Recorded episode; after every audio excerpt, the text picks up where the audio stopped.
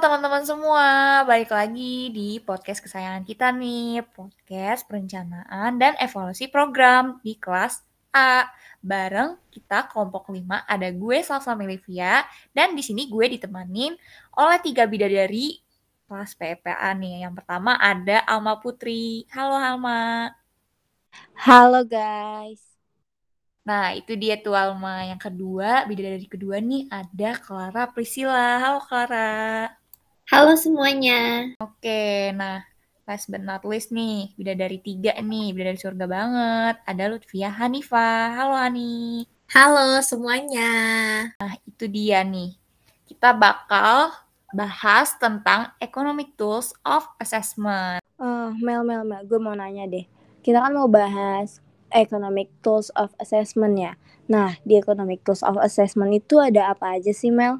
Nah, di Economic Tools of Assessment itu ada dua hal. Yang pertama ada Cost Benefit Evaluation sama Cost Effectiveness Analysis. Oh, gitu ya. Nah, kalau uh, itu gue mau nanya di Cost Benefit Evaluation. Itu tuh maksudnya apa sih, Mel? Boleh dijelasin nggak? Oke, oke. Jadi Cost Benefit Evaluation itu adalah salah satu metode evaluasi yang berusaha mengidentifikasi, mengukur, dan membandingkan manfaat dan biaya dalam nilai moneter yang dikeluarkan dalam suatu proyek atau program yang bertujuan untuk menilai efisiensi dari penggunaan sumber daya ekonomi yang telah dikeluarkan dalam proyek atau program tersebut.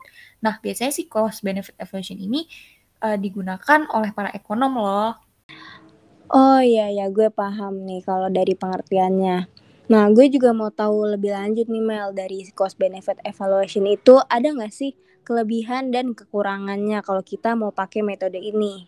Oke, jadi sebenarnya ada nih kelebihan dan kekurangannya, tapi gue menjelasin dulu dikit soal fungsi dari metode cost benefit evaluation yang satu ini. Nah, fungsinya itu untuk menilai profit aktual yang dihasilkan oleh program atau proyek. Nah, dari evaluasi tersebut nantinya bakal digunakan sebagai masukan dalam perencanaan program serupa ya, yang selanjutnya nih. Nah, kelebihannya itu dengan menggunakan metode ini, data yang dihasilkan tuh lebih valid dan mudah untuk pengguna data menentukan efektivitas dari uh, berbagai sumber daya yang digunakan dalam proyek atau program melalui evaluasi profitabilitas aktual ini. Nah, tapi uh, metode yang satu ini punya ke kekurangan loh. Kekurangannya itu uh, metode yang satu ini tuh terbatas dalam analisis manfaat biaya karena kan dia ini lebih cenderung ke kuantitatif ya Sedangkan dalam program atau proyek pembangunan itu sering kali lebih cenderung uh, ke hal-hal yang bersifat sulit diukur, kayak misalkan sosial, budaya, kan itu biasanya kayak pemahaman, bagaimana uh, pemahaman suatu eh, si program ini berusaha untuk melihat pemahaman itu kan sulit untuk diukur ya. Jadi uh, biasanya metode yang satu ini tuh butuh pendekatan tambahan yaitu pendekatan kualitatif untuk perluasan analisisnya. Oke oke, thank you Samuel atas sharing-sharingnya mengenai apa tadi itu uh, cost benefit evaluation sama kelebihan dan kekurangannya. Nah, karena tadi udah dijelasin sama Samuel nih, sebenarnya gue kepo banget sih gimana caranya gue harus bisa ngelakuin cost benefit evaluation ini. Nah, kira-kira Clara punya tips and triknya nggak nih? Ada dong Han. Jadi untuk ngelakuin langkah cost benefit evaluation ini simple banget kok. Yang pertama, kita harus nyatet pendapatan kotor atau gross income, nilai pasar atau market value, dan biaya yang dikeluarkan atau cost. Nah, setelah kita punya catatan tentang ketiga itu, kita tinggal menghitung nih laba bersih atau net income dan rasio biaya manfaat atau cost benefit ratio. Ingat ya, nanti yang net income-nya paling besar itu berarti dia yang paling menguntungkan, Han. Oh, gitu ya. Hmm, keren banget ya udah dikasih, uh, cara sama Clara di mengenai tips and trick langkah-langkah menyusun cost benefit evaluation. Nah, kayak gitu nih Clara, gue pengen tahu nih contoh konkretnya gimana mengenai, uh, cost benefit evaluation ini. Mungkin langsung disikat aja kali ya? Oke. Nah, di sini gue ngasih contoh program merchandise sosiologi.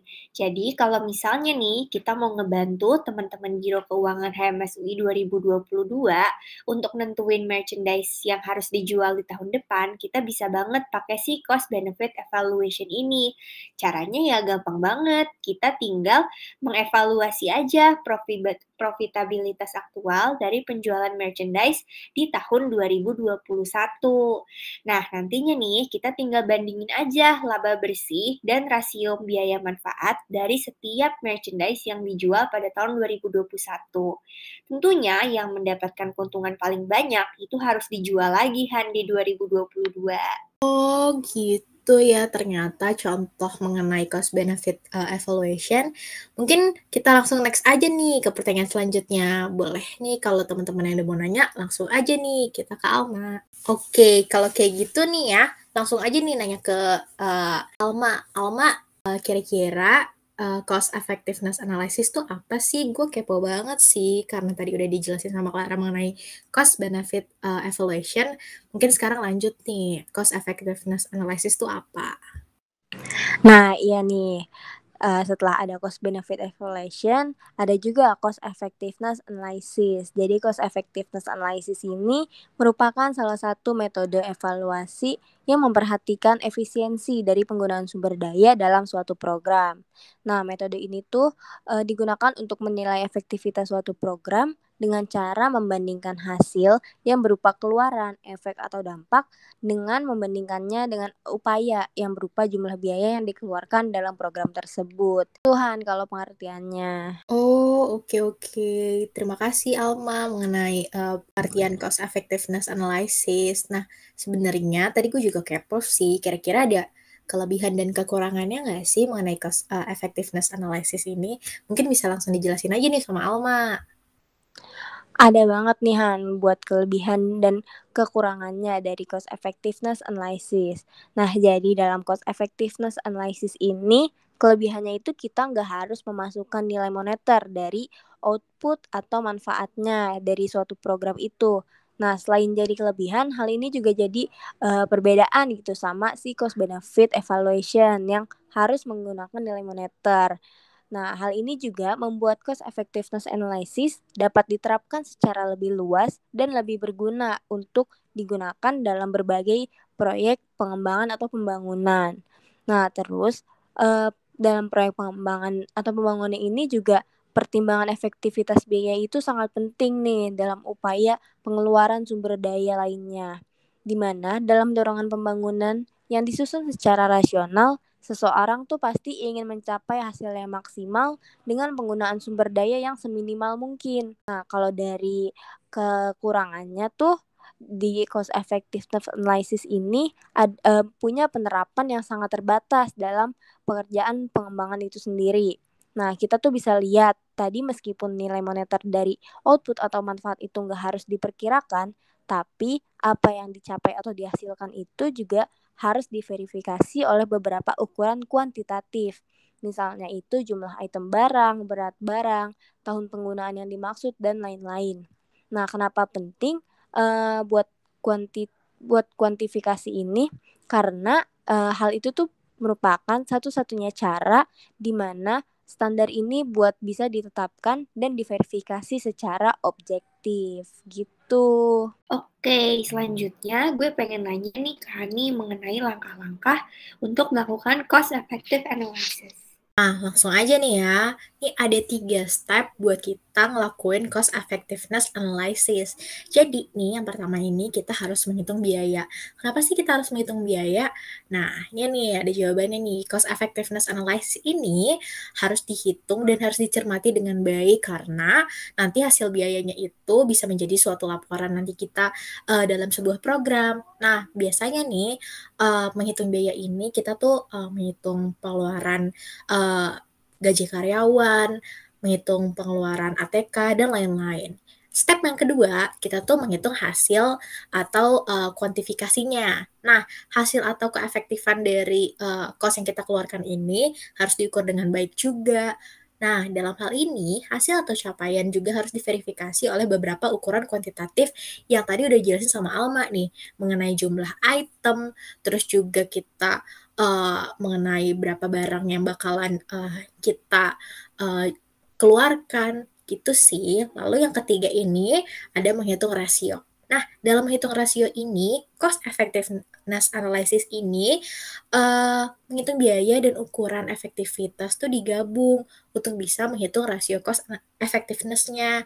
Nah, misalnya nih, uh, membagi efektivitas masing-masing alternatif dengan biaya untuk menunjukkan unit cost uh, mencapai subjek tertentu yang bakal nantinya dihitung.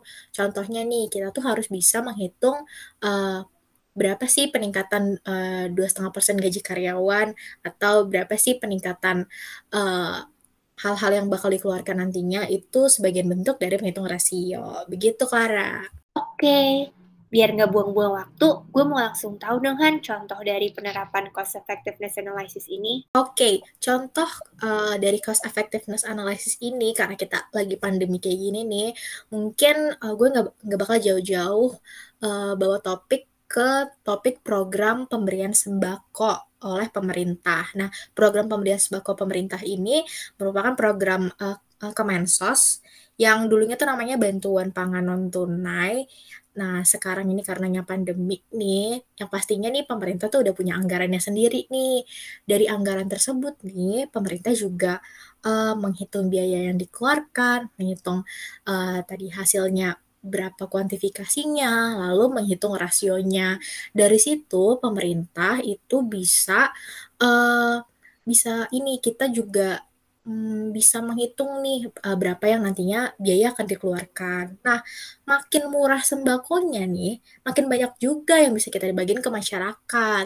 Nah, hal itu juga bisa menjadi suatu acuan pemerintah untuk bisa uh, memperluas uh, jangkauannya pemerintah untuk memberikan sembako. Nah, itu dia tuh salah satu uh, contoh dari cost effectiveness analysis dan juga sedikit-sedikit manfaat nih kepada masyarakat. Kayak begitu. Nah, karena tadi kita udah sharing-sharing nih mengenai uh, cost benefit uh, evaluation sama cost effectiveness analysis, kita uh, pamit undur diri dulu nih teman-teman. Nah, karena dari itu uh, aku ingin menutup dengan pantun nih. Pada kepo nggak? Pada kepo nggak? Waduh, apa tuh? Kepo banget. Siap-siap ya guys pergi ke pasar beli teri. Cakep. Jangan lupa evaluasi setiap hari. Sekian. Yeay, terima kasih ya. Terima kasih. Dadah.